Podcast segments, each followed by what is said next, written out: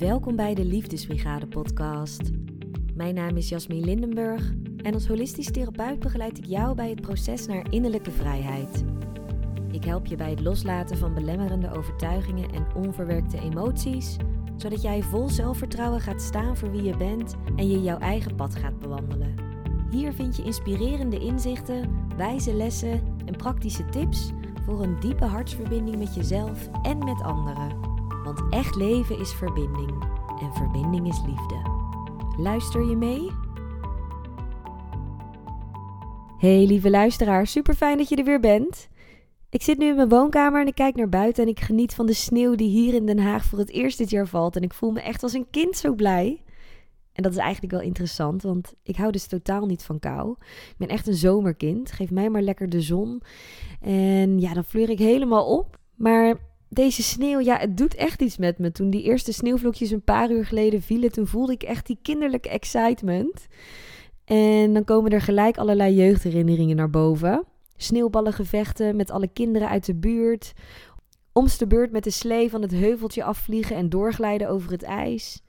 En dat we dan allemaal verkleumd waren, ijskoude handen en voeten. En dat we dan even bij iemand gingen opwarmen en lekkere warme chocomel met slagroom gingen drinken. Ja, dat waren wel echt mooie tijden. En als ik daar zo aan terugdenk, dan geniet ik vooral ook van het feit dat wij als kinderen zo in het nu konden zijn. Dat we totaal niet bezig waren met morgen, overmorgen, een jaar geleden, drie jaar in de toekomst. We waren altijd gericht op datgene waar we op dat moment waren en waar we op dat moment mee bezig waren. En dan door de jaren heen, dan verleren we dat.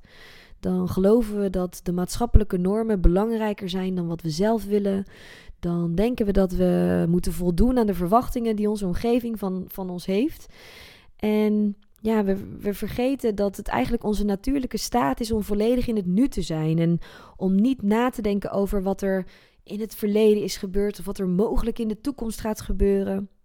Het is onze natuurlijke staat om volledig in het nu te zijn en om te genieten van datgene wat er op dit moment is. Want als we echt in het nu zijn, dan is alles oké zoals het is. En dat is wel even mooi om bij stil te staan. Want soms als volwassenen dan realiseren we dat we volledig in ons hoofd zitten en dat we te veel aan het piekeren zijn over het verleden of de toekomst. En dan lijkt het soms een, een onmogelijke opgave om dat weer af te leren. En laat ik je dan eraan herinneren dat het onze natuurlijke staat is om in het nu te zijn. Want kinderen die kunnen dat gewoon effortlessly. En wij als kinderen konden dat ook. Alleen hebben we dat door de jaren heen afgeleerd. Maar het mooie van iets afleren is dat je het ook weer kan aanleren. Dus laat dit een herinnering zijn aan het feit dat jouw natuurlijke staat is om volledig in het nu te zijn. Dat je altijd in het nu bent. En dat als jij te veel gericht bent op de toekomst, op de doelen die je wil bereiken, op de plannen die je nog hebt, dat je dan jezelf eraan herinnert dat het uiteindelijk gaat om de weg er naartoe en niet om het doel. En dat is precies wat mijn gast van vandaag heeft ervaren in haar eigen leven. Ik ging in gesprek met Kirsten van Antwerpen van Kirsten Coaching en Training. En zij helpt anderen bij de ontwikkeling van een gezonde levensstijl, zelfbeeld en prestatie. En in deze aflevering vertelt zij hoe zij in haar eigen leven ontdekte dat het niet gaat om het doel, maar om de weg er naartoe. En daarna spreken we ook onder andere over running therapy, perfectionisme en zelfbeeld. En als jij af en toe wordt getriggerd door een persoon of een situatie in je dagelijks leven en je weet niet zo goed hoe je daarmee kunt omgaan, dan heeft Kirsten enkele concrete vragen voor jou die jij jezelf op dat moment kunt stellen. Geniet van dit gesprek en dan kom ik daarna weer bij je terug.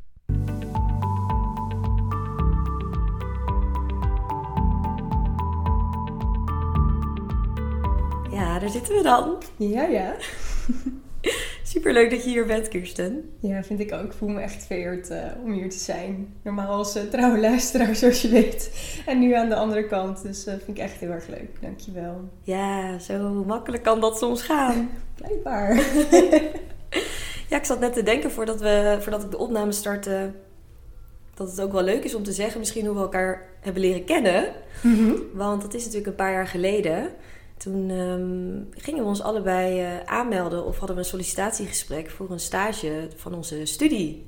Klopt, ja. Op het houten bankje zaten wij daar op die gang. Ja, op de Universiteit Leiden. En um, toen weet ik nog dat we het allebei best wel spannend vonden op dat moment. Ik denk waarschijnlijk ook omdat we het heel graag wilden. Ja.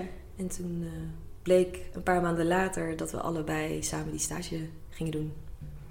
Klopt. Ja, als een stage voor interpersoonlijke beroepsvaardigheden. Voor het geval je het interessant vindt als luisteraar.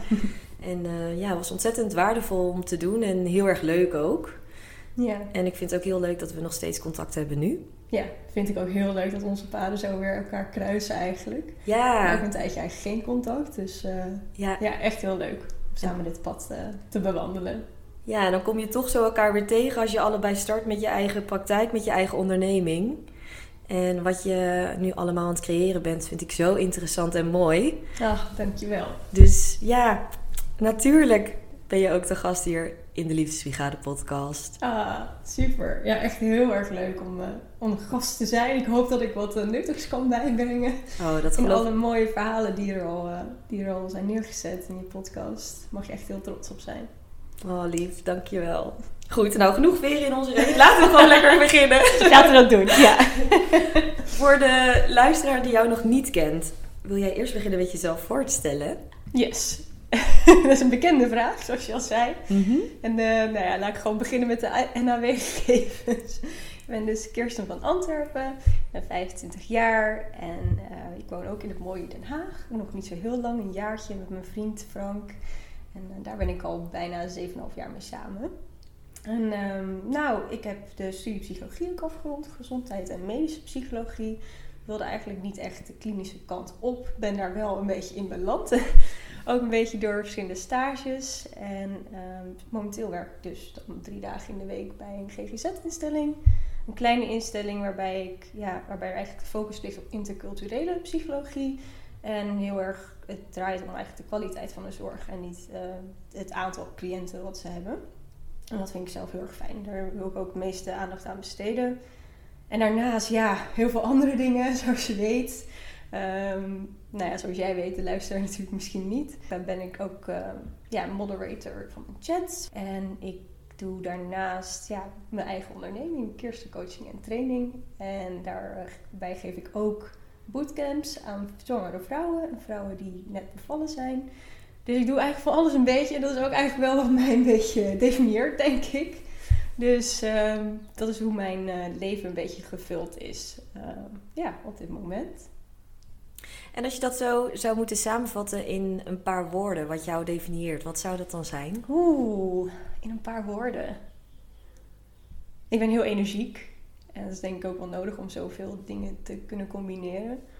Ik vind het ook heel leuk om daarmee bezig te zijn met verschillende dingen. Het houdt me heel erg bij de les. Dus energiek is denk ik een woord wat mij definieert. Wat mensen zouden zeggen ook over mij.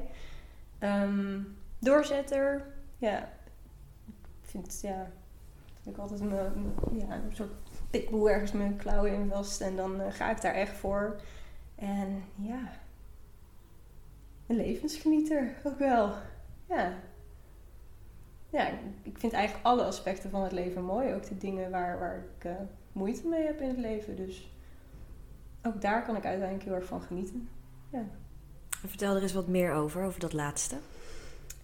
Ja, ik denk, het leven is natuurlijk gewoon met ups en downs. En um, wij mensen streven vaak naar zoveel mogelijk ups. Maar dat heb je natuurlijk niet onder controle. Um, dus ik ja, zeg ook altijd van je kunt de ups niet ervaren als je geen downs ervaart. En ik vind die downs vaak ook heel mooi om mezelf dan tegen te komen en even weer echt te moeten opkrabbelen om um, meer te leren. En daarin zie ik ook echt die, die groeimogelijkheid. En zie ik het ook echt als iets heel moois, juist op de momenten dat ik het zwaar heb in mijn leven. Om um, ja, een stapje verder te doen eigenlijk. Ja. En heb je dat dan bij alle lastige situaties? Dat je gelijk ook voelt, nou het is eigenlijk ook wel wat moois wat er nu nou, niet, niet, direct inderdaad. Het is wel echt eerst iets waar je doorheen gaat, waar vaak veel emotie bij vrijkomt. Uh, als ik een voorbeeld zou moeten noemen, in, deze, dit, in maart dit jaar ben ik uh, naar Nieuw-Zeeland gegaan als afstudeerreis en uh, daar hebben we even in lockdown gezeten. En helaas heeft die reis vroegtijdig, moet, ja, is die vroegtijdig ten einde gekomen met een repatriëringsvlucht terug naar Nederland. En ik merkte al in het vliegtuig dat ik dat echt heel erg moeilijk vond dat ik op terugweg was. Op zo'n moment is het natuurlijk gewoon heel erg balen. En merkte ik dat er ook een hoop verdriet zat dat het niet door kon gaan op de manier hoe ik dat voor ogen had. Want dan kom je hier in Nederland en is er helemaal niks. Ik had geen baan, ik had geen studie meer. Ik, ja, ik was net in Den Haag gaan wonen waar ik ook nog geen netwerk had.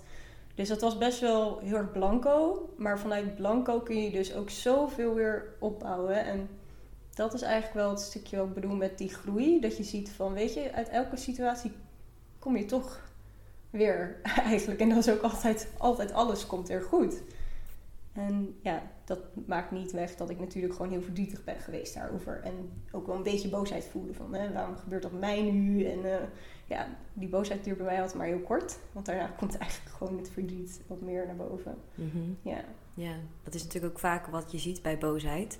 Dat geeft natuurlijk een vorm van kracht om een bepaalde emotie eruit te gooien. Maar als je een laag dieper gaat, dan zit daar het verdriet. Klopt. Ja, dat denk ik ook. Ik denk dat boosheid een vrij simpele emotie is die heel veel mensen kunnen tonen. En dat verdriet toch echt een paar lagen dieper gaat. Ehm, ja. En wat helpt jou dan op zo'n moment om sneller bij het diepere gevoel te komen, waar het Oh, in dat geval dan op dra- om draait? Daar ben ik ook heel erg benieuwd naar bij jou, eigenlijk. Maar bij mij is dat meestal ehm, toch echt het alleen zijn. Het naar die binnenwereld gaan en niet ehm, meteen van, oh, wat kan ik dan nu regelen? Wat kan ik nu doen om mijn dagen te vullen? Oh, en wat dit en wat dat. Want dan ga je dus eigenlijk maar door, zoals heel veel mensen dat doen. Je gaat door en je staat niet stil bij dat het nu gewoon eigenlijk allemaal ronduit kut is, om maar even zo te zeggen. En dat alleen zijn helpt me heel erg om inderdaad bij dat gevoel te komen. Dus meestal muziek op, eh, zo min mogelijk doen. Ehm, ja, heel lief voor mezelf zijn en alleen doen waar ik eigenlijk zin in heb op het moment. En ik snap ook dat dat voor veel misschien luisteraars niet altijd kan. Het is ook niet iets eh, waar je altijd de tijd voor neemt. Maar ik denk wel, voor mij is het heel belangrijk om dus alleen te zijn. Om dieper ja, bij dat verdriet te komen bijvoorbeeld. Ja. Ja. Wat, heb, wat hebben jou daarin? Ik ben er heel benieuwd naar. Ja, terwijl je het vraagt, schieten allerlei gedachten door mijn hoofd. Oh ja, hoe doe ik dat eigenlijk? Dan moet ik er opeens zo bewust over gaan nadenken. Hmm, hoe ik dat doe. Voor mij helpt het ook heel erg om dan op dat moment met mezelf te zijn. Dus eigenlijk wat jij ook zegt. En ik kan me voorstellen als je een druk leven hebt, misschien een gezin, ehm, een fulltime baan, dat het dan lastiger is om van die momentjes in te plannen. En toch geloof ik dat ze ook niet per se heel lang hoeven te zijn. Hmm, Het kan bijvoorbeeld helpen om even lekker in bad te gaan. Dat helpt mij altijd heel erg. Om een wandeling te maken door de natuur. Hmm, Mediteren zou bijvoorbeeld ook kunnen helpen. Of misschien even ja, zoiets als muziek opzetten. En even je aandacht naar binnen keren. En in het begin kan er dan ongemak worden ervaren. Omdat het dan natuurlijk heel ongemakkelijk is om van die onprettige emoties te voelen. En wat mij daarin heeft geholpen is om te oefenen om met dat ongemak te leren zijn. Ja. Ja. Want ik geloof heel erg met die ongemakkelijke emoties. Nou ja, als ik in ieder geval naar mezelf kijk, ik heb dat jarenlang geprobeerd weg te stoppen. En ik geloof dan dat ik ergens onbewust een overtuiging creëerde dat ik het eng vond en dat ik misschien die ongemakkelijke emotie van boosheid bijvoorbeeld niet aan kan. Of van verdriet. Ja. En ja, dan wordt het ook heel spannend op het moment dat je dat probeert toe te laten. Terwijl als je ja, jezelf een beetje stretcht daarin en elke keer een beetje meer probeert om met dat ongemak te kunnen zijn, dan wordt het op een gegeven moment gemakkelijker. En dan heb ik geleerd dat dat ongemakkelijke gevoel eigenlijk helemaal niet zo eng is als dat ik dacht. Ja. Ja, dat het vaak eigenlijk ook de angst om de angst is. Of de angst om Precies. de emotie wat ervoor zorgt dat je op dat moment er niet in durft te gaan. Ehm, ja, precies. Terwijl eigenlijk op het moment dat je dat doet en het er gewoon volledig laat zijn zoals het er is, dan valt het eigenlijk altijd wel mee. En dan merk je ook dat je daar veel beter uitkomt en dat het niet blijft dooretteren op de momenten dat je het wegstopt. Want dat is eigenlijk wel wat er gebeurt. Ja. Als je iets wegstopt, dan ja, blijft het gewoon dooretteren. En ja, dan kun je wel blijven doorgaan, maar dan komt er een moment waarop jouw lichaam of iets anders tegen je zegt van ja, nu toch weer terug naar waar we gebleven waren met die emotie. Ja, Ja. ja, je hebt het lang genoeg geparkeerd en nu is je parkeergeld op. Ja, dus nu komt het toch naar boven. wat een mooie. Ja, ja. ja. ja. En ja, ik, ik geloof dat voor iedereen weer wat anders helpt. Ja. Ehm, zeker weten. maar het, het vooral het, misschien de bereidheid om, om wat dieper te gaan, dat dat het begin is. Ja. ja, dat brengt je zoveel meer dan het juist wegstoppen. Ja, Ja. En dat is denk ik ook wel de, de essentie van die innerlijke reis, ook waar je het eh, vaak in de podcast over hebt, denk ik. Ja, dat zit hem juist ook in het, onge- in het ongemak voelen. Daar zit zoveel groei in. Ja. want hoe is jouw reis daarin geweest? Ehm, Nou ja, wat ik eigenlijk net zei, van, hè, dat vaak dan den duur je lichaam je bijvoorbeeld iets gaat vertellen. Ik heb dat ehm, wel gehad toen ik ziek werd bij, uh, in 4 VWO. waren gewoon een heleboel dingetjes. Mijn ouders uh, lagen in scheiding. Dat was denk ik nog een beetje net ervoor of erna, dat weet ik niet precies meer. En uh, op den duur, ja, ik kreeg een, ik kreeg een darminfectie. Um, ik was altijd wel echt iemand die heel erg op, op zijn tenen liep. Dat, dat aan, vooraf daaraan eigenlijk. En toen zei mijn lichaam eigenlijk van, ja, het is nu gewoon klaar. Um, ik kreeg darminfectie, toen een longontsteking achteraan. Ben ik een paar weken eruit geweest. En toen ja, kon ik gewoon eigenlijk niks meer. Want alleen de trap op was al heel vermoeiend. Ik woog ook nog maar heel weinig door ja, alle symptomen die erbij komen kijken. Eetlustgebrek en dergelijke. Um, dus daar is denk ik die innerlijke reis begonnen met van... joh, je bent helemaal niet bezig met, met hoe het eigenlijk nu met je gaat. Ik liep gewoon meteen, het, het hooggelegen doel was mijn VWO-diploma halen. Ook al was dat misschien ergens wel te hoog voor mij gegrepen.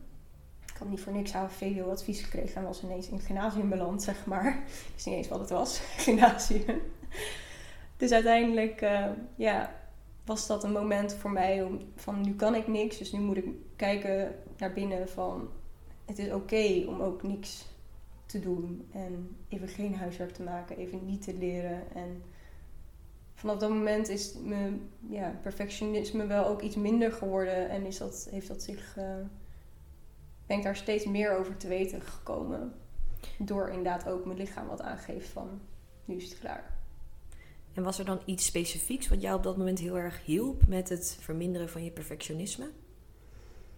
Um, nou, ik wist dat als ik zo door zou gaan, dat, ja, dat ik elke keer dus weer of ziek zou worden. Want ik had heel veel verkoudheidjes, zeg maar. Eigenlijk elke maand wel een keer dat ik een weekend plat lag.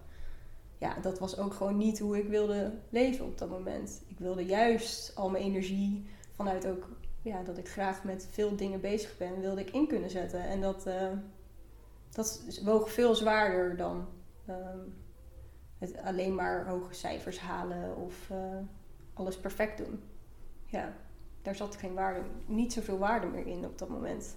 Ja, dus je vond het belangrijker hoe je je leven leidde dan wat je dan in dat leven op dat moment bereikte en zag als succes misschien? Ja, ja. Dat je dat zo wel zou kunnen benoemen, ja. Ja. En hoe, hoe shifte dat iets in jouw leven? Mm, en met, wat bedoel je met dat iets? Nou, je, wat ik uit je verhaal opmaak is dat je mhm. toen der tijd ook al een bezig bijtje was. Dat je graag heel veel dingen wilde doen en bereiken. En je merkte toch, ja, wat vind ik nu eigenlijk belangrijker? Nou, ik vind mijn fysieke gezondheid vind ik nu op dit moment belangrijker. Dus laat ik daar vooral mijn aandacht op richten. En daardoor liet je je eh, perfectionisme wat meer los. En wat veranderde er toen in je leven? Ah, wat veranderde, ja. Um, nou, eigenlijk op dat moment niet zo heel snel heel veel. Want ik wilde gewoon alsnog wel die VWO-diploma. Um, en wat er echt veranderde was dat ik leerde luisteren naar wat er op dat moment dus speelde. En dat ik mezelf wat vaker die vraag stelde van wat leeft er in mij? Hoe gaat het met mij? Uh, wat vind ik belangrijk? Um, wat helpt me? En dat was in die tijd ook wel veel praten met, met mensen over dingen en veel schrijven trouwens. Want ik kreeg natuurlijk toen ook nog dan de scheiding van mijn ouders overheen. Ik heb ook nog een medicijn voor mijn acne geslikt. Dus daar, ja, dat kwamen allemaal dingetjes bij elkaar. Um, ja, dus dat was niet meteen echt dat er iets veranderde. Ik denk later pas dat ook toen ik naar de Unie ging, dat er dingen uh, naar voren kwamen waar ik, um, ja, waar ik op dat moment meer weer mezelf elke keer in tegenkwam. Zoals? Um, zoals nou, hè, bij presentaties, dat als ik dat voorbereid op een bepaalde manier. Ik heb nu ook een blaadje naast me liggen. Ik heb er nog niet naar gekeken. Dat is best heel bijzonder. Maar ik bereidde dat altijd voor met, uh, met een blaadje met heel veel tekst geen steekwoorden, heel veel tekst. En ik moest ook gewoon precies van mezelf dat blaadje met al die tekst moest ik zo presenteren. Want ik had het zo voorbereid. Dus ik had heel veel tijd ook ingestoken. Dus ik vond ook dat dat zijn vruchten moest afwerpen. En ja, uiteindelijk merkte ik dat, dat ik daar ook gewoon geïrriteerd van werd als dan niet, iets niet had gezegd wat op dat blaadje stond. En ik werd daar niet blij van. Dus ik vond dat niet helpend voor mezelf.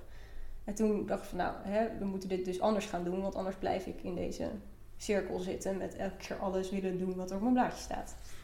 Toen ben ik wat meer naar bijvoorbeeld steekwoorden toegegaan en merkte ik dat ik daarin veel meer vrijheid had en dat het me ook lukte om dan te presenteren. Dus zodoende was dat perfectionisme ook niet altijd, hielp, hielp het me ook niet altijd. Het heeft me natuurlijk heel veel gebracht, omdat ik ja, mezelf eigenlijk qua intelligentie niet een VWO-leerling vind of vond.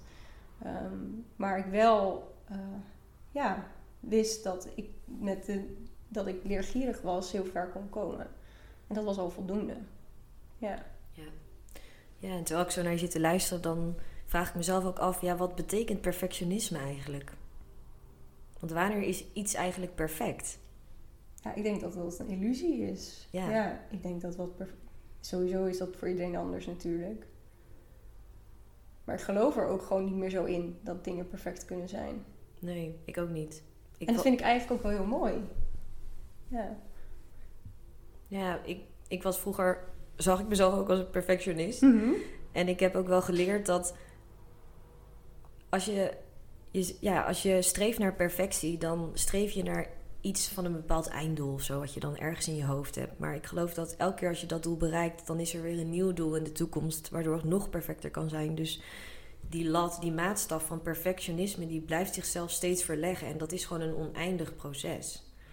Um, denk dat het heel erg te maken heeft met controle. Mhm. Controle willen hebben over hoe het gaat en wat de uitkomst is. En als ik iets heb geleerd tijdens mijn innerlijke reis, dan is het wel dat we geen controle oh, hebben. Zeker weten, ja, ja. En dat geeft zoveel meer vrijheid. Juist het accepteren dat niks te controleren valt eigenlijk in het leven.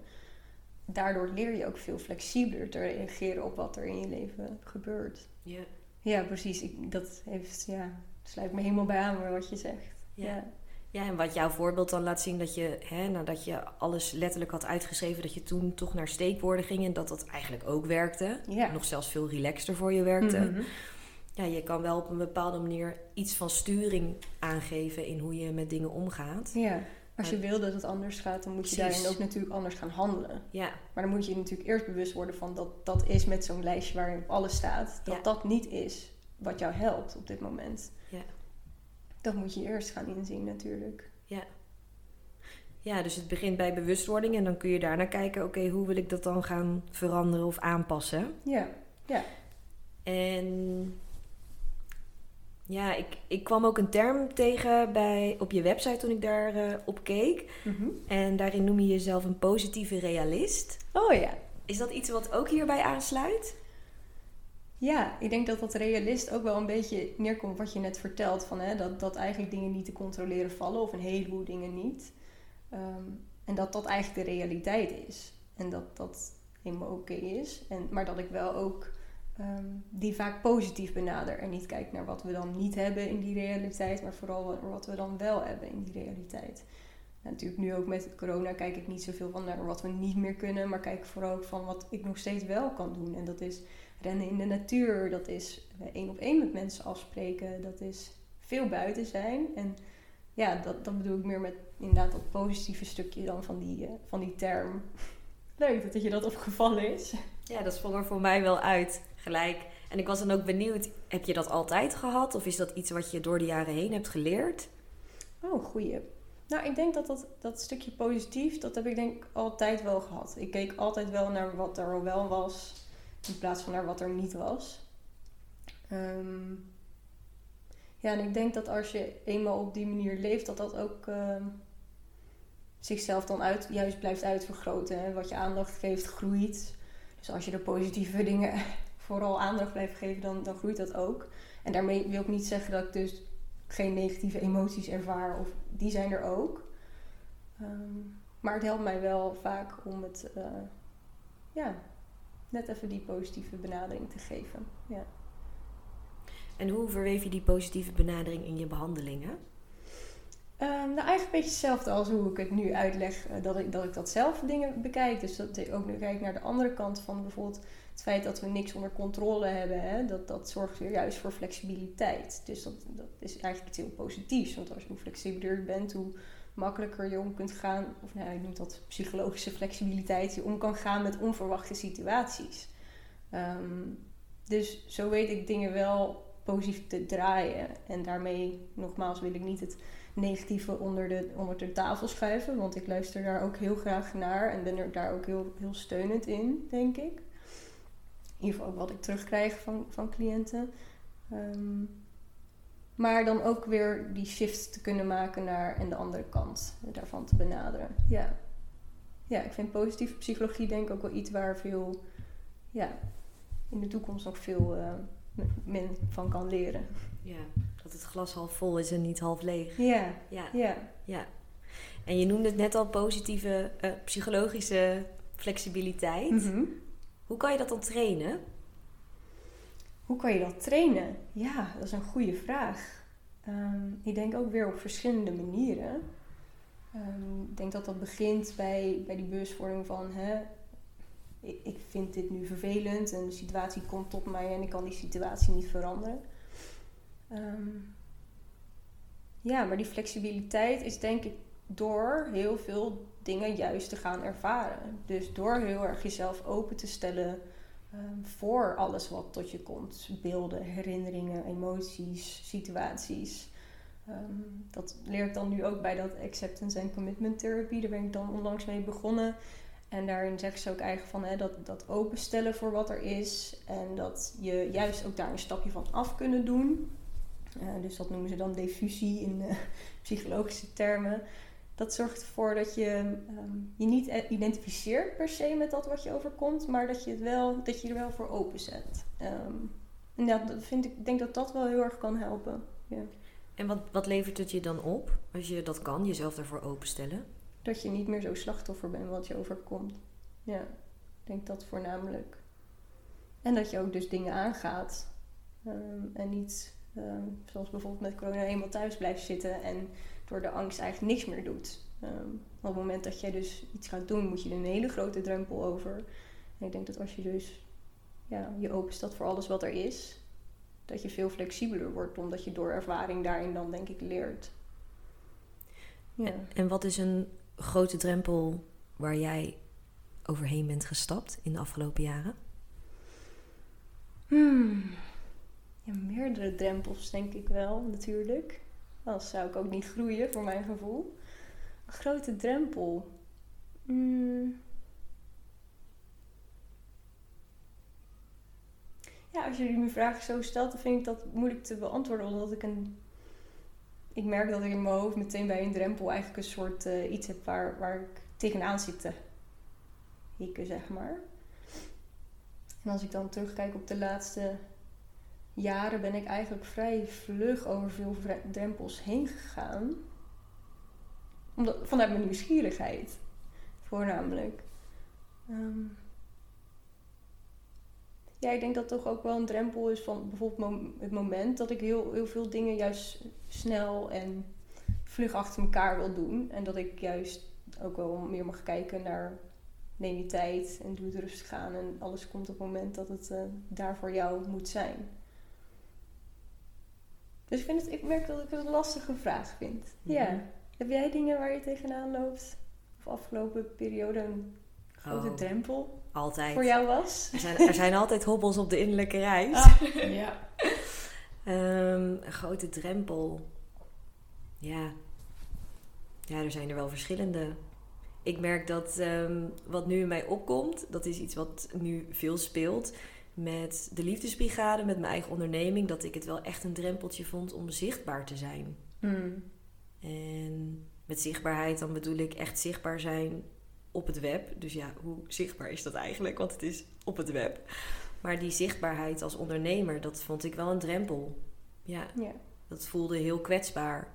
En die kan ik dan ook breder trekken. Dat ik dat in het verleden ook heel spannend vond in de verbinding met anderen. Om echt mezelf te laten zien aan de mensen om mij heen. Vond ik jarenlang heel spannend. Om die mm. kwetsbaarheid te tonen naar mensen om je heen. Ja. ja, vond ik heel spannend. En ja, toch bang om dan misschien te worden afgekeurd om wat ze dan zouden zien van mij. En dat is daarin wel echt een, een reis geweest voor mij om ja, mezelf te kunnen accepteren zoals ik ben. En dat dat goed genoeg is. Dat dat mm. gewoon prima is zoals ik ben. En dat ik daar in principe niets aan hoef te veranderen om te worden geaccepteerd door de mensen om mij heen. Meer. En dat merk ik dan nu ook met de liefdesbrigade. Dat er zullen vast mensen zijn die mij zien in mijn zichtbaarheid en die daar niet zoveel bij voelen. En nu voel ik, ja, dat is oké. Ja. Weet je, dan, dan klik je lekker verder en dan ga je op zoek naar iemand anders bij wie je wel iets voelt. Ja. Zo ervaar ik het zelf ook als ik mensen zie die volledig kunnen staan in het licht en zichzelf kunnen uitdragen. Ja. Ja, Mooi. ja. Ja. Want wat heeft jou daarin dus geholpen om die zichtbaarheid, dus die kwetsbaarheid, dan wel te tonen? Ik ben wel benieuwd naar. Hmm, bedoel je hem dan op ondernemersvlak of meer van vroeger in, in de verbinding met anderen? Dan mag je zelf kiezen wat jij prettig vindt over te vertellen. Hmm, Ik ga dan voor dat laatste. Ehm, in verbinding met anderen, omdat ik me kan voorstellen dat er luisteraars zijn die zichzelf daar op een bepaalde mate in herkennen.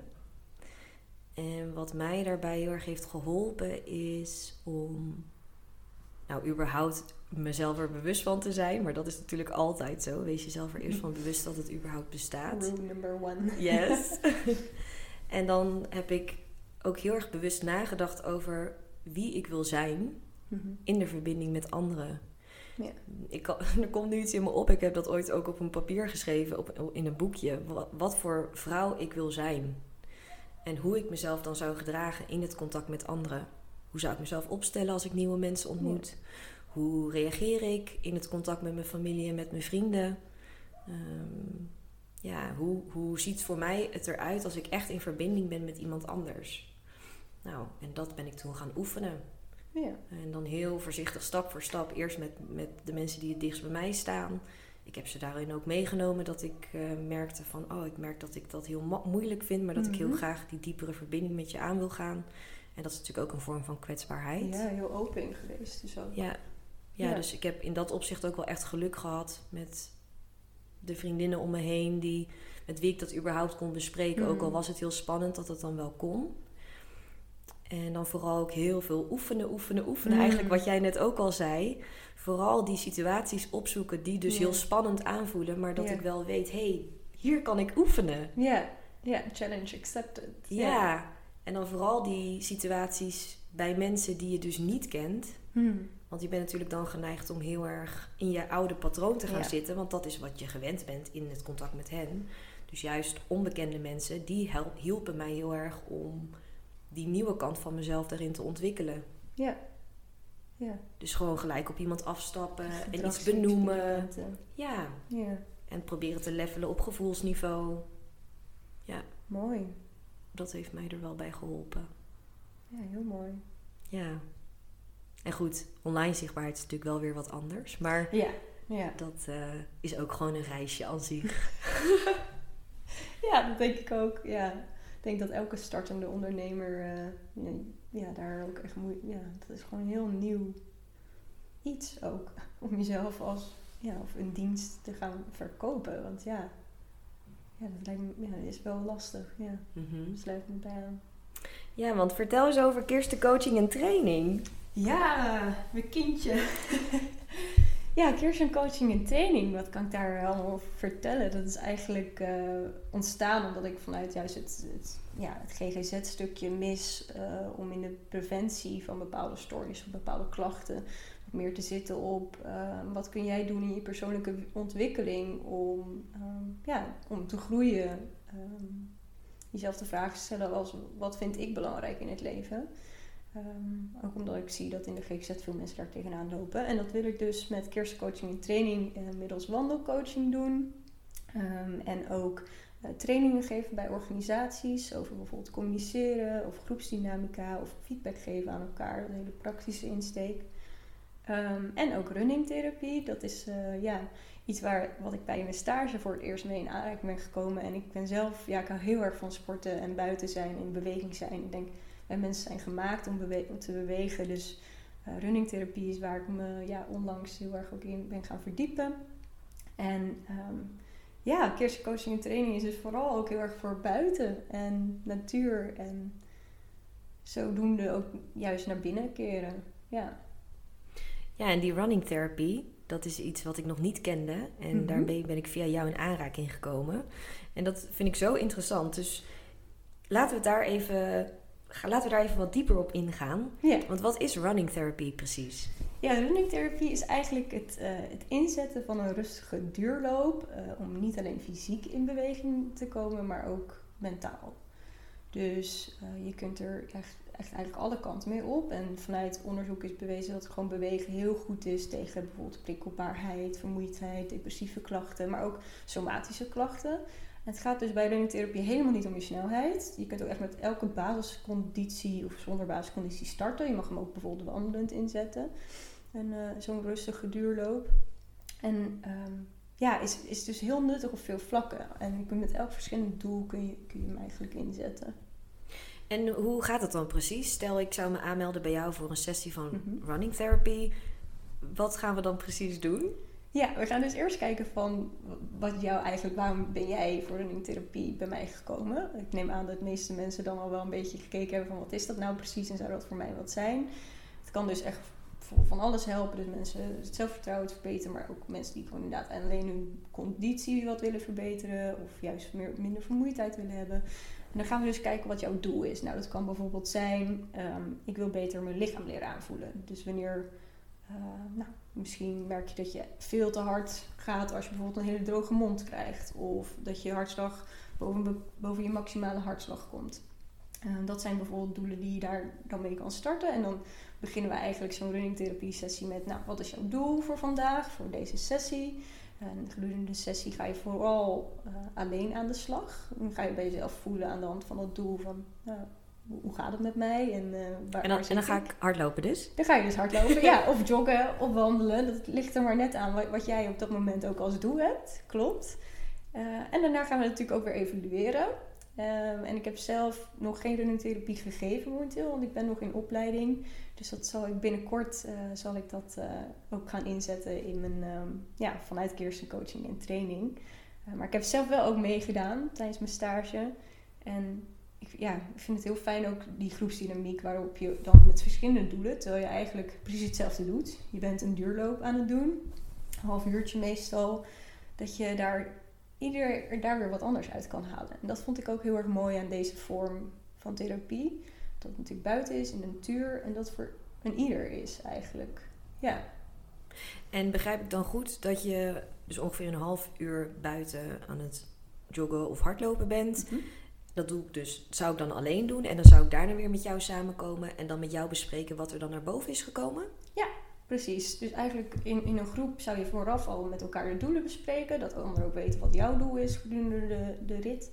En daarna gaan we weer eigenlijk rondom tafel van, nou, hoe is het gegaan met betrekking tot je doel? Zijn er dingen die je voor een volgende keer anders zou kunnen doen? Of wat komt er nu in je op? Of hoe heb je het ervaren? Dus eigenlijk heel open. En dan is het doel inderdaad wel ongeveer drie keer te hardlopen per week. Um, en dat dus ook één keer zelf uh, te doen, om te kijken hoe, hoe, dat, hoe dat gaat.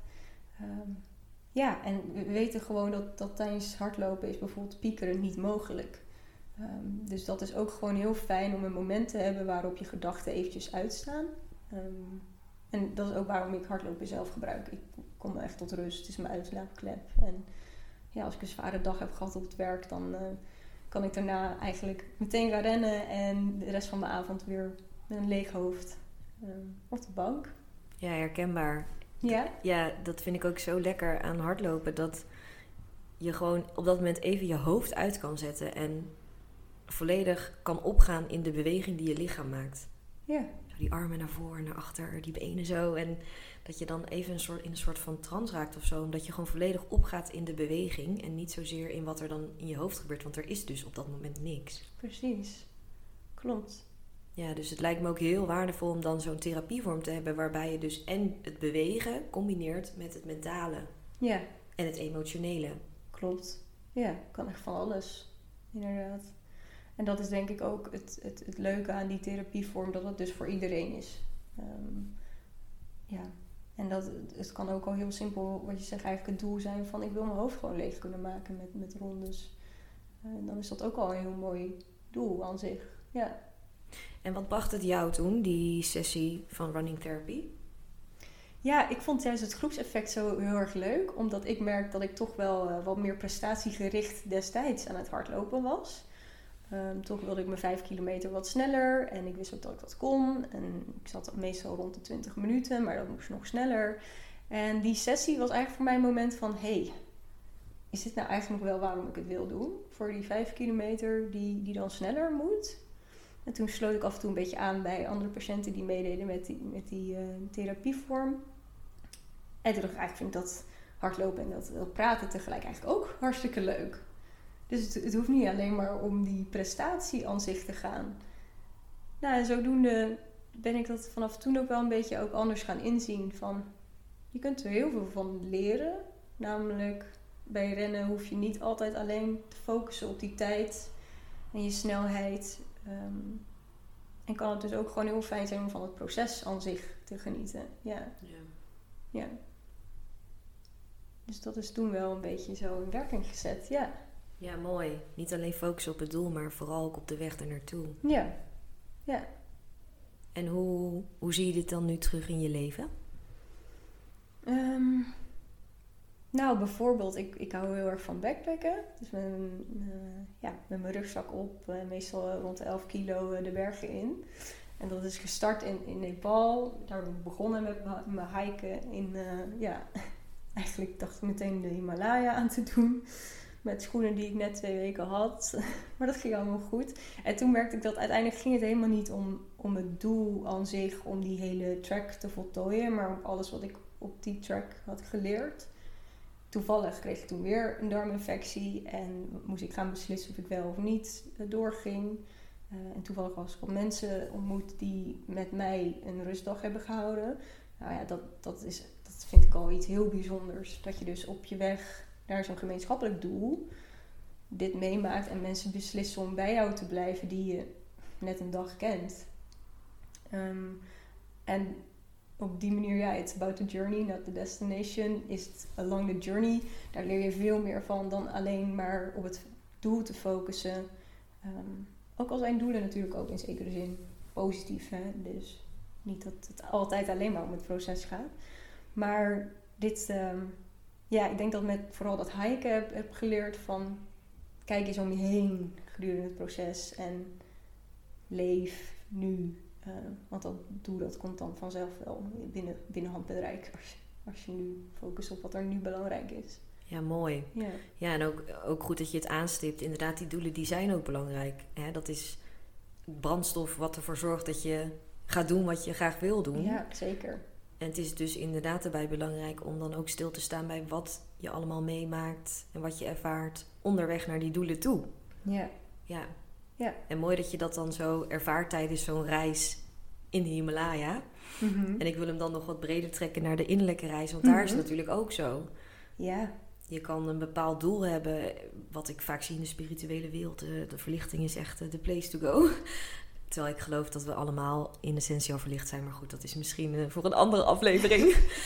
um, maar of uh, ik wil heel graag zelfliefde ervaren. Dat, dat zijn hele mooie doelen natuurlijk. Alleen ja, soms kun je er zo op gaan focussen dat je vergeet dat die hele reis er naartoe mm. juist zo belangrijk is en juist zo waardevol. En dat het heel belangrijk is om daar bewust bij stil te staan bij wat je allemaal meemaakt en ervaart. En vooral ook wie je onderweg tegenkomt ja. en wie je daarbij helpt. Ja, ja. En dat je die mensen vaak ook met een reden tegenkomt om jou uh, iets te leren op die Precies. weg. Ja, en ook in dat geval van die Malai van wij zijn er voor je. En dat, dat onvoorwaardelijke, dat is wel iets heel bijzonders wat ik nog nooit ook echt had meegemaakt eigenlijk in een leven hier in Nederland zo. Dus dat, ja. Ja, onvoorwaardelijke steun en... Ja. Ja, dat je weet dat er mensen zijn die echt met jou meeleven en er echt voor je zijn. Ja, die verbinding ook echt, ja. die je dan voelt inderdaad. Ja. Ja, we zijn natuurlijk ook gewoon kuddedieren. Ja. ja, en dat denk ik wel in onze maatschappij, dat we soms zo gefocust zijn op onszelf en onze eigen doelen en onze eigen sores. Dat, dat we soms kunnen vergeten dat we juist anderen nodig hebben om, om verder te komen. Ja. Hè? Ja. Ja dat stukje van ik kan alles zelf, dat, dat, dat is eigenlijk denk niet waar in essentie. Misschien zou dat iets zijn wat je zou willen, want dat maakt je natuurlijk onafhankelijk van anderen en dat geeft natuurlijk ergens een veilig gevoel. eh, dat je dan niet gekwetst kan worden of teleurgesteld.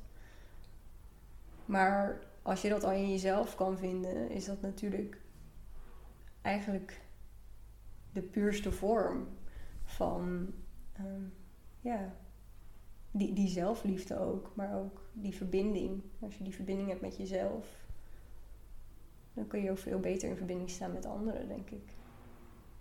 Hoe is de verbinding met jouzelf op een schaal van 1 tot 10?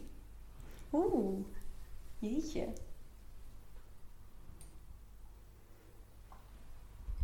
Ik denk dat die ook op de dag soms wel eens kan verschillen. Dat dat niet elk moment het- hetzelfde is. Ehm, ik merk bijvoorbeeld nu dat ik best wel ook veel in mijn hoofd zit. Mensen soms wat meer naar mijn gevoel shift. En dat komt denk ik ook door een stukje spanning. Dat het spannend is om zo'n podcast op te nemen. Waardoor je meer in je hoofd gaat zitten vaak dan op intuïtie reageert. Maar ik denk dat mijn verbinding over het algemeen altijd wel voldoende is. Omdat ik dat ook echt nodig heb om te kunnen luisteren naar wat ik nu nodig heb. Die bewustwording inderdaad. Ehm, dus ik denk dat dat altijd eigenlijk standaard zo rond de zeven ligt. En soms wat, wat meer is en dan wat, minder is. En dat hangt gewoon met heel veel samen. Eh, hoe ik heb geslapen, wat ik heb gegeten, of ik alcohol heb gedronken of niet. Dus dat kan echt.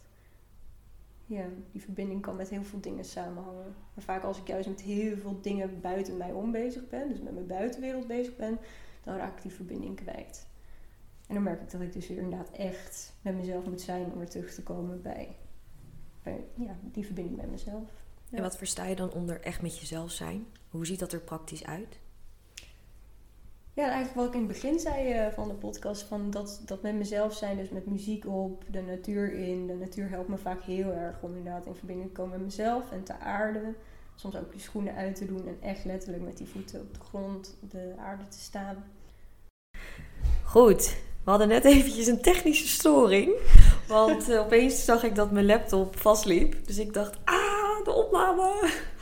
Maar goed, eh, gelukkig was het eerste deel nog wel opgenomen. Nu gaan we gewoon weer lekker met, verder met het tweede deel. Mm, moet ik heel even nadenken waar we het nou ook weer over hadden. Over de verbinding met jezelf hadden we het eh, Oh ja, volgens mij als laatste over. inderdaad. Ja, En toen herhaalde je even wat, wat je eerder had benoemd in het gesprek. Ja, en als we dan nog even kijken naar die verbinding met jezelf en jouw eigen innerlijke reis. Wat komt er dan naar boven van een periode waarin je ook veel hebt geleerd over jezelf? Oh ja. Nou, verschillende periodes waarin ik dan gereisd heb natuurlijk. Eh, dat zijn wel echt grote periodes. Maar ook ehm, een periode waarin ik moderne werk heb gedaan. Ehm, vanuit 2010 tot 2018 denk ik ongeveer. Hoe oud was je En- toen? Ehm, nou, dat is dus tot mijn 23ste ongeveer geweest. Van, ja, vanaf mijn 15e. Ehm, en ja, ik ben eigenlijk met modellenwerk altijd een beetje tussen wal en schip gevallen. In die zin dat als ik de lengte had gehad, dan was het goed mogelijk geweest dat ik gewoon, nou ja, met enig succes een modellencarrière had gehad. Maar ik eh, stopte op 1,72 meter. En daar heb ik echt een periode over ingezeten, want ik vond het echt heel erg leuk om te doen. Ik had, eh, was in, ja, vond het gewoon heel erg leuk om met vriendinnen fotoshoots in scène te zetten en daar mijn creativiteit kwijt te kunnen. Dat was echt een ding op mijn uitlaatklep op dat moment. Ehm, creatief bezig te zijn op die manier. En om nieuwe mensen te ontmoeten met modellenwerk. Nou, uiteindelijk eh, ben ik op eh, eigen voet daarmee eh, ja, gewoon gaan kijken wat er wel mogelijk was. En toen is dat balletje ook een beetje gaan rollen. Heb ik uiteindelijk Amsterdam Fashion Week een keer gelopen. En ben ik ook naar het buitenland geweest, naar Istanbul voor twee maanden. Ehm, natuurlijk ook met intentie om daar, ja, om eigenlijk te reizen. Want het was eigenlijk gratis reizen. Alles wordt dan voor je betaald. Ehm, maar dat heeft ook zijn andere kanten. Ehm, want wat ik op dat moment merkte wat ik heel erg moeilijk vond, was dat je bepaalde regels had als voor 11 uur thuis zijn in het modelappartement. Je sliep met tien meiden in twee kamers op bankbeds, dus op eh, stapelbedden. Je vrijheid wordt heel erg beperkt natuurlijk op die manier. Was ik ook niet gewend. Ik was al, woonde wel in een studentenhuis, maar ik had daar heel mijn eigen plek, mijn eigen kamer. Ook al was het maar 9 vierkante meter. Dat was precies voldoende om dat innerlijke stukje ehm, voor elkaar te krijgen. En hier was er een, ja, een boeker, een director die ehm, van alles van jou wilde. Ehm, je moest elk weekend testshoots doen, eh, dus voor elf uur thuis zijn. En toen merkte ik dat dat, ja, dat ik het eigenlijk heel moeilijk vond. Ehm, en dat ik eigenlijk dus ook die vrijheid heel erg belangrijk vond. Ehm, dus dat is wel een periode geweest waarin ik dat, ja, wat moeilijk voor me is geweest, maar waarin ik veel over mezelf geleerd heb. Ehm, wat ik belangrijk vind in het leven. en daarin ging ik bijvoorbeeld toen ook heel veel sporten. Omdat dat was dan toen mijn uitlaatklep en het tot mezelf komen. dat weliswaar in een vijf sterren hotel, dus dat waren wel weer andere prettige bij, uh, bijkomstigheden. Maar ehm, ja, dat was wel een beetje een periode die voor mij um, bijzonder is geweest. Ja. ja, en ik las ook op je website dat je je onder andere richt op, ook op modellen in je mhm. behandelingen. Ja. Wat maakt dat je voor die doelgroep hebt gekozen? Ja, omdat ik natuurlijk zelf heb ervaren hoe jouw zelfbeeld in zo'n, in zo'n systeem, een modellensysteem, kan veranderen. Um, wordt gewoon natuurlijk constant dingen over je gezegd. Ehm, over je uiterlijk. Uh, heel vaak dingen waar jij dus ook niks aan kan veranderen. Maar wat natuurlijk voor heel veel meiden, uh, denk ik, wel heel erg moeilijk is om daar afstand van te doen. En als iemand jou niet kiest, ik heb volgens mij toen 105 castings gedaan in Istanbul in twee maanden tijd. En ben twee keer gekozen. Dus ben 103 keer eigenlijk afgewezen. En voor mij heel erg hielp toen was om eigenlijk niet mezelf daarmee te identificeren als in het is niks persoonlijks. Nee, ik ben niet wat zij op dit moment zoeken. En dat heeft mij heel erg geholpen om eigenlijk met die afwijzing heel makkelijk om te gaan. Maar ik wist ook wel dat heel veel meiden daar onzeker van werden. Ben ik dan niet knap genoeg? Ben ik niet dun genoeg? Of ehm, vooral dat ben ik niet genoeg uh, stukje. En dat vind, ja, vind ik gewoon heel jammer dat, dat, dat, dat meiden daar ook eigenlijk niet in begeleid worden, dikwijls. En ja, dat is dus ook iets waar ik me graag op, uh, op focus. Op meiden die problemen hebben met hun zelfbeeld. Dat heel erg laten afhangen van wat andere mensen van hun vinden in plaats van wat zij van hun vinden. Ehm, en bij modellen is dat natuurlijk ook een stukje wat echt op dat fysieke gefocust is. Want eigenlijk is je uiterlijk natuurlijk ook je, je product. Of datgene wat je, ja, het is je werk. Um, maar tot op zekere hoogte valt je uiterlijk natuurlijk niet te veranderen. Dus ja. Ja, ja je kan je haar wel knippen. Ja. Of verven. Je kan misschien wat aan of afko uh, aankomen of afvallen.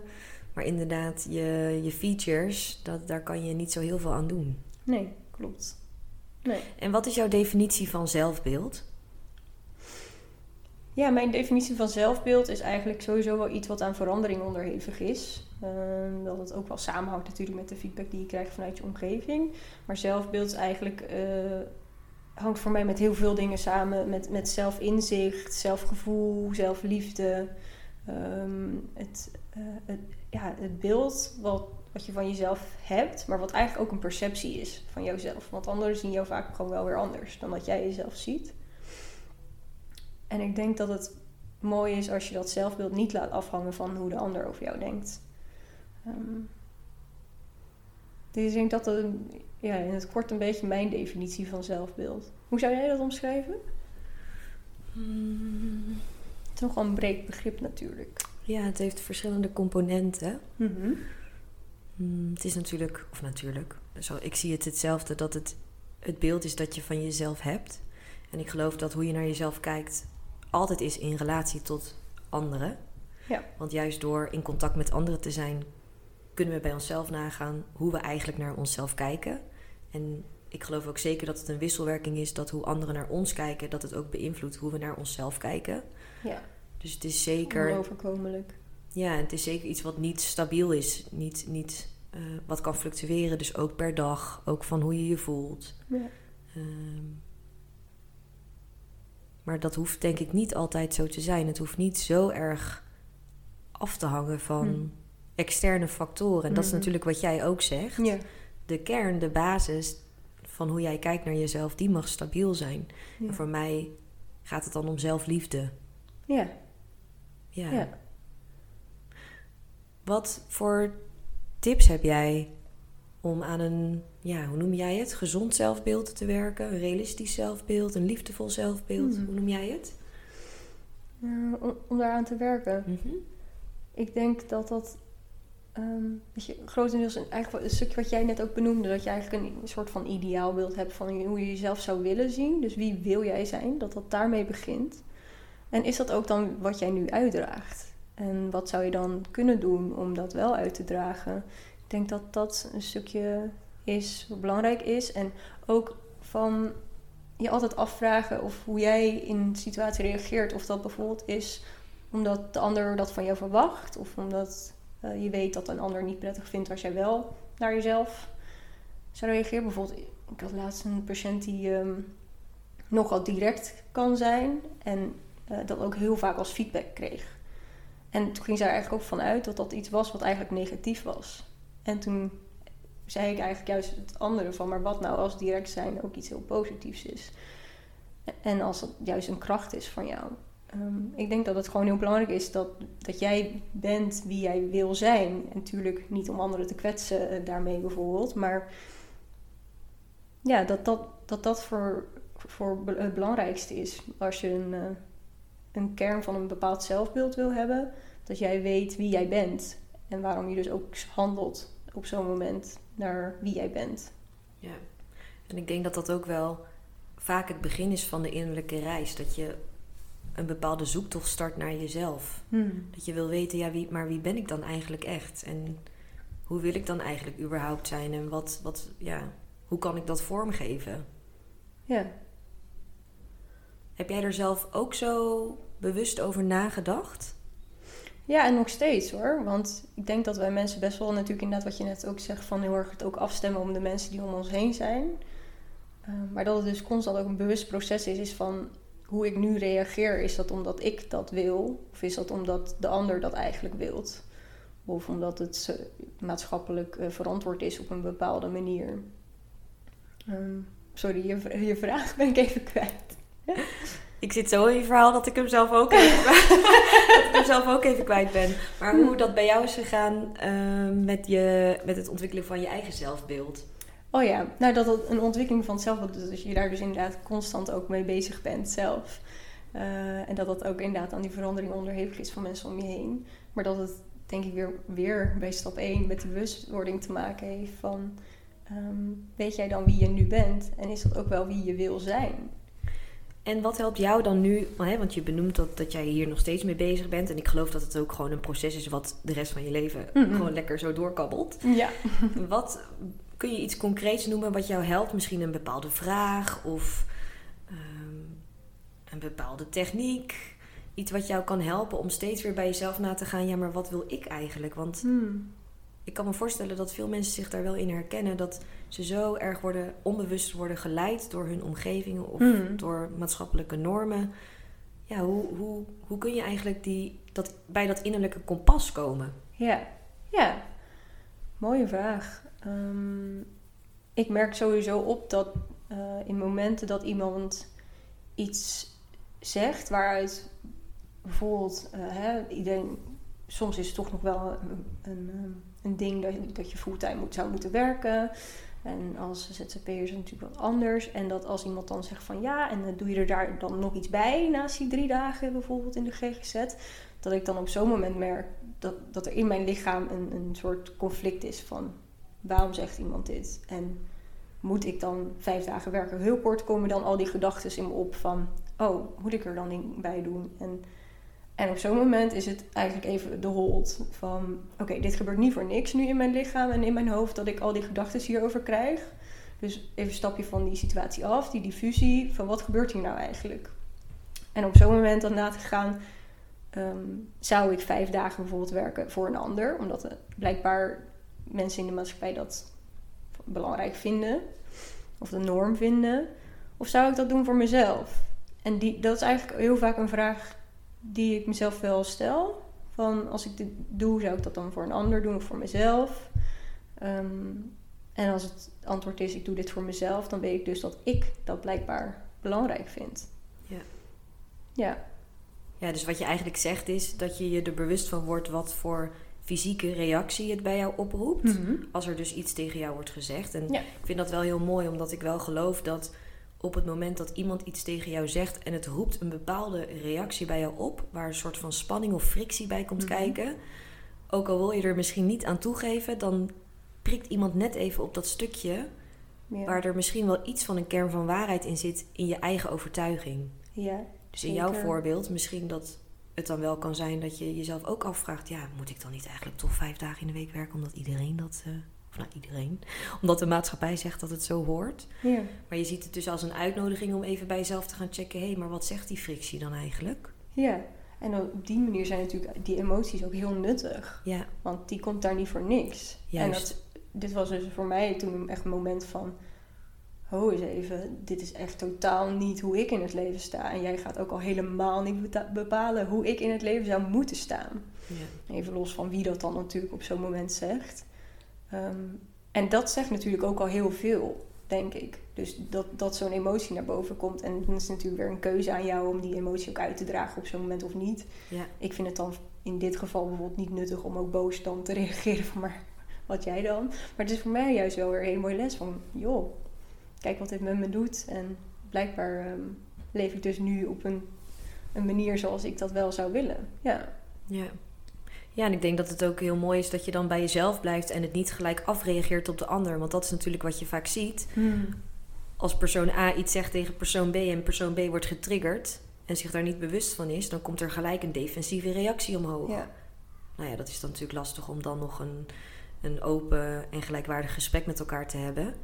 Ehm, dus het kan dan juist inderdaad helpen om even jezelf terug te trekken en bij jezelf na te gaan. Wat, wat gebeurde er nou eigenlijk? Wat wordt er nu geraakt in mij? En wat kan ik met die informatie met betrekking tot mezelf? ja, zeker. En dat geeft dus de ene keer bevestiging van oh, dan doe ik het nu blijkbaar goed zoals ik het, althans zoals ik het wil doen. Mhm. er is geen goed en fout in deze zin. Maar... En de andere keer van, hmm, misschien dit triggert mij juist zo. En dan denk ik, hmm, hier voel ik juist wel wat voor. Dit vind ik, hier zou ik iets mee willen. Dat, dat voel je natuurlijk soms ook. Van, hé, hey, dit komt niet zomaar op mijn pad en hier wil ik iets mee. Ehm, en dan is het weer de kunst om daar natuurlijk ook naar te gaan handelen. Dus die toegewijde actie aan, aan datgene wat jij belangrijk vindt. Met die waarden die je naleeft. En heb je een concreet voorbeeld? Iets wat je recentelijk bij jezelf merkte waarvan je dacht, nou, dat zou ik toch wel anders willen doen. Want ja, hoe pak je dat dan aan? Want het klinkt dan misschien Hmm. heel makkelijk van, oh, ik wil het toch wel anders, ik zou het zo willen doen. Maar hoe doe je dat dan? Want het is eigenlijk een heel nieuw patroon wat je jezelf dan gaat dat aanleren. Ja. Ja. ja, gedragsverandering is natuurlijk sowieso heel erg lastig. Mhm. Als ik eventjes ehm, terugga naar, naar die drempelvraag, die sluit misschien nu. Ik heb ineens een ingeving, dat sluit een beetje aan bij deze vraag. Is dat ik een moment had eh, bij het transformatiespel, wat ik bij jou natuurlijk eh, gevolgd heb, eh, waarop ik. is de misschien wel goed om even te benoemen dat het transformatiespel een workshop is dat ik aanbied Precies. vanuit de Liefdesbrigade. En dat, eh, ja, die heb jij gevolgd Die bij heb ik mij. gevolgd, ja, Mhm. met heel veel plezier. En daar was mijn, mijn vraagstuk eigenlijk gericht op van wanneer ben ik voldoende? Volgens mij was het in die trant. En dat is eigenlijk wel een drempel ook echt voor mij geweest van wanneer is het dan goed genoeg? En waarom moet het altijd meer? En dat sluit ook een beetje aan op wat ik net zei, dat het soms voor mijn gevoel sneller mag gaan dan dat het gaat. Ehm, en daarin helpt het dus heel erg, en daar heb jij bij het transformatiespel ook heel goed in geholpen, om iets voor jezelf te gaan bekijken, waardoor je, ehm, wat, je wat je echt kan integreren in je leven op dat moment. Dus echt van eigenlijk een emotioneel doel naar een meer gedragsdoel toe. Ja. En voor mij was dat voor mij op dat moment heel erg bijvoorbeeld hè, met positieve affirmaties de dag beginnen. Van alles wat ik vandaag doe is eigenlijk al genoeg. Ehm, en wat iemand in het verleden ook tegen mij heeft gezegd: van je hoeft niet. Dat is trouwens een andere gast uit jouw podcast, dat is namelijk Esther. Mm. Die heeft ooit gezegd tegen mij: ehm, Je hoeft niet koekjes te serveren bij de koffie. De koffie is al genoeg en het feit dat je er bent. Ehm, en ik, ik beschrijf mezelf ook altijd aan de hand van: Je hoeft niet eh, te trappen op het moment dat jij een berg affietst. En dat was eerlijk gezegd ook wel iets wat ik altijd doe. Dus het is heel grappig dat het. ehm, Mooi.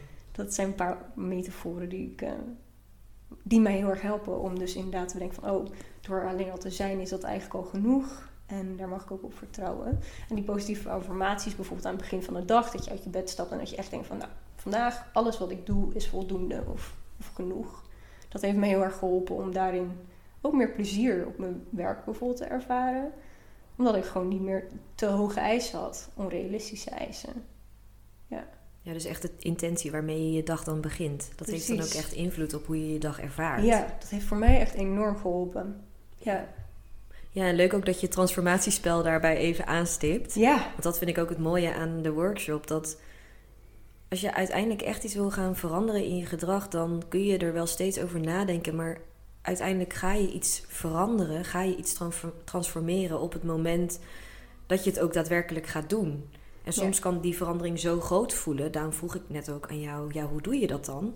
Want het klinkt dan heel makkelijk, maar soms is het zo nog onduidelijk hoe je er dan gaat komen dat je dan blijft zitten op de plek waar je zit, terwijl je daar eigenlijk niet wilt zijn. En het kan dan helpen door ja, iemand die je dan op dat moment even kan terugspiegelen. Oké, welke concrete stappen kun jij nu zetten op dit moment? En dat is dan wat ik tijdens de workshop doe. Die jou helpen om jouw doel te bereiken. Ja. En bij jou hebben affirmaties dus bijvoorbeeld geholpen. Ja, ja zeker weten.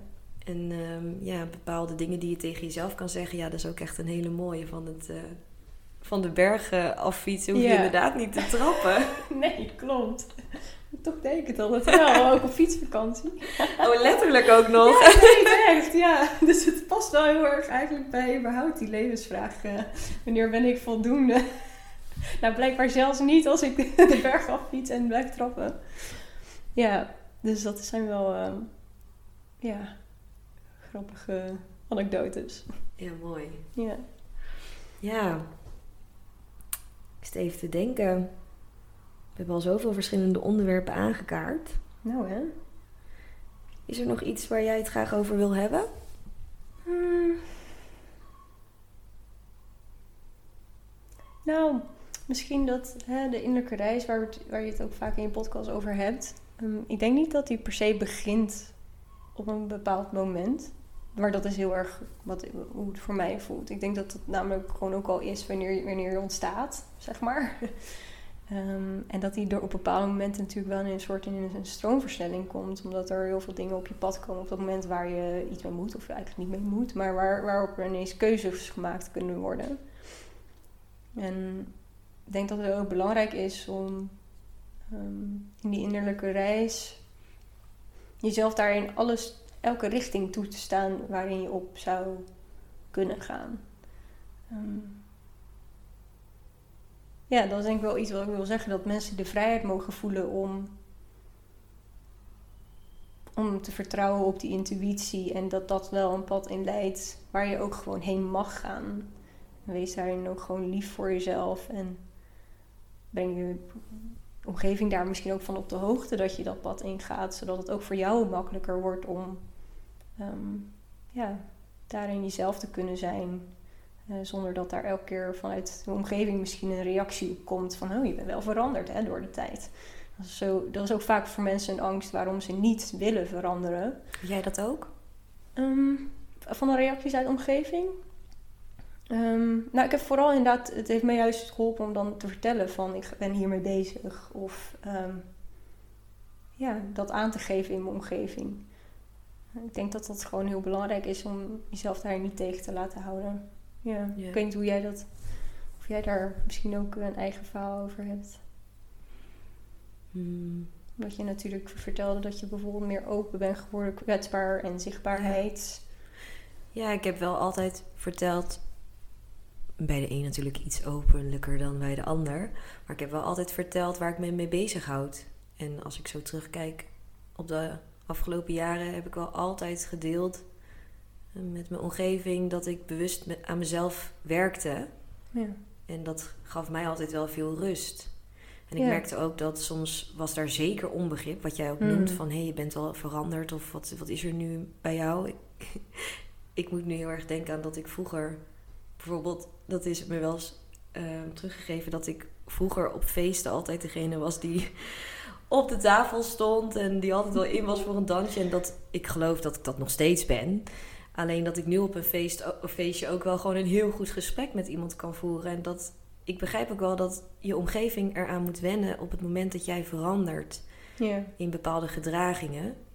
Maar ik geloof tegelijkertijd dat degene met wie je een echte connectie hebt, een hartsverbinding, dat die ook met je meegroeien in dat opzicht. 100%. En dat die verbindingen, die vriendschappen, die, die, die blijven ook meegroeien. En sommige dan niet. En dan is dat ook oké. Dat is dan wat er op dat moment is. Ehm, maar het heeft mij inderdaad altijd zeker geholpen om dat te delen met mijn omgeving. Ook Ja. bij mijn familie, dat ze weten wat er speelt. En dan, ehm, ja, het geeft ook wel een, een veilig gevoel als je Ja, omgeving weet wat er bij je speelt. Ja, veilig en een stukje vrijheid om dan ook te kunnen bewegen in die, ja, in die verandering. Ja, en ik denk ook, je hoeft niet altijd alles met iedereen te bespreken. Maar het feit dat ze het wel weten en dat je soms kan aangeven... hé, hey, ik zit nu eventjes in een minder lekkere week. Maar ik vind het gewoon heel fijn om met je samen te zijn. En ik wil er niet per se heel gedetailleerd over praten. Maar ik vind het gewoon leuk om Hm. even lekker samen te chillen... of iets, iets te wandelen of iets te gaan doen. Dat kan dan ook zo waardevol zijn. Omdat iemand dan al weet wat er bij je speelt. Ook al, ja, je hoeft niet altijd de details te delen. Ehm, Het is natuurlijk ook al heel erg krachtig om dat te kunnen delen, denk ik. ja, zeker. Ja. En als iemand anders je daarin zou afwijzen, dan zegt dat natuurlijk eigenlijk veel meer over de ander dan, dan over jou. Want jij bent eerlijk geweest over wat moment wat er bij jou speelt. Precies. En als iemand jou die ruimte dan niet zou gunnen, ja. Is dat dan wel de persoon die je in je leven moet hebben? Ja. Ja, laat die maar even landen. die vraag heb ik mezelf ook heel vaak afgesteld, namelijk. Ja. Ja, En het is natuurlijk ook wel een, een feit dat mensen komen en gaan in je leven. Niet alleen met leven en dood, maar ook ehm, met hoe jij door je leven heen wandelt. Ja. ja. Ja, we willen soms zo graag vasthouden aan iets wat er dan eigenlijk niet meer is. Terwijl Hmm. alles in het leven in beweging is. Niks staat vast. Alles is veranderlijk in beweging, in ontwikkeling. Dan komen we weer bij, uit inderdaad bij dat het niet te controleren valt. Ja. Nou, dan maken we hem toch zo rond zo in dit Ja, hè? gesprek. Daar hou ik dan toch ook wel weer van. Punten, is dat eh, toch een beetje terug. dat perfectionisme in mij. Even het cirkeltje rondmaken. Daar hoef je dus niet eens even iets voor te doen, of wel? Nee, want het gebeurt Het gewoon. gebeurt. Dus je mag er gewoon op vertrouwen dat het er is. Ja. Ja. Mooi. Ja, vind ik ook. Waar kunnen luisteraars jou vinden, Kirsten? Eh, op Instagram ben ik actief als eh, hashtag Kirsten. Eh, ik heb daar ook een, een verleden met meer me- modellen, foto's en dergelijke. En nou, dat is ook een deel van mij. Ehm, dus dat heb ik daar ook gewoon laten staan.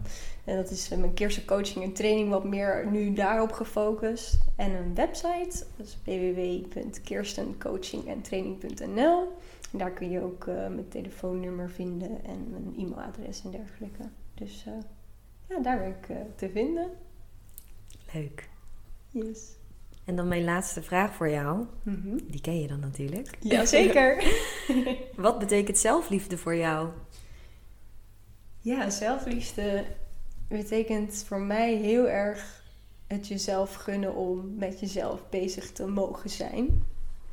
Ehm, daarnaast ook het, het onvoorwaardelijk eigenlijk, de onvoorwaardelijke liefde die je voor jezelf mag voelen. Dus ook voor de dingen die, waar je minder goed in bent. Of de dingen waar je misschien nooit goed in zal zijn. Dat je dat ook eigenlijk gewoon accepteert en kunt omarmen. Ik denk dat dat heel erg zelfliefde is. Dat je er met al je gebreken mag, mag zijn. En natuurlijk ook alle mooie talenten en kwaliteiten die je hebt. En dat stukje, ja, jezelf gunnen met jezelf bezig te zijn. Ja, denk dat dat dan is. Mooi.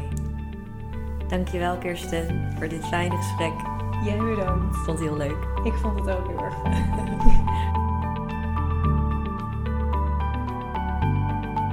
Als je dit hoort, dan betekent het dat je deze aflevering helemaal hebt afgeluisterd. Dank je wel daarvoor. Ik ben benieuwd welk nieuw inzicht jij hebt opgedaan en welke eerste stap jij gaat zetten om dit inzicht te integreren in je leven. Laat het me weten in een persoonlijk berichtje op Instagram de Liefdesbrigade.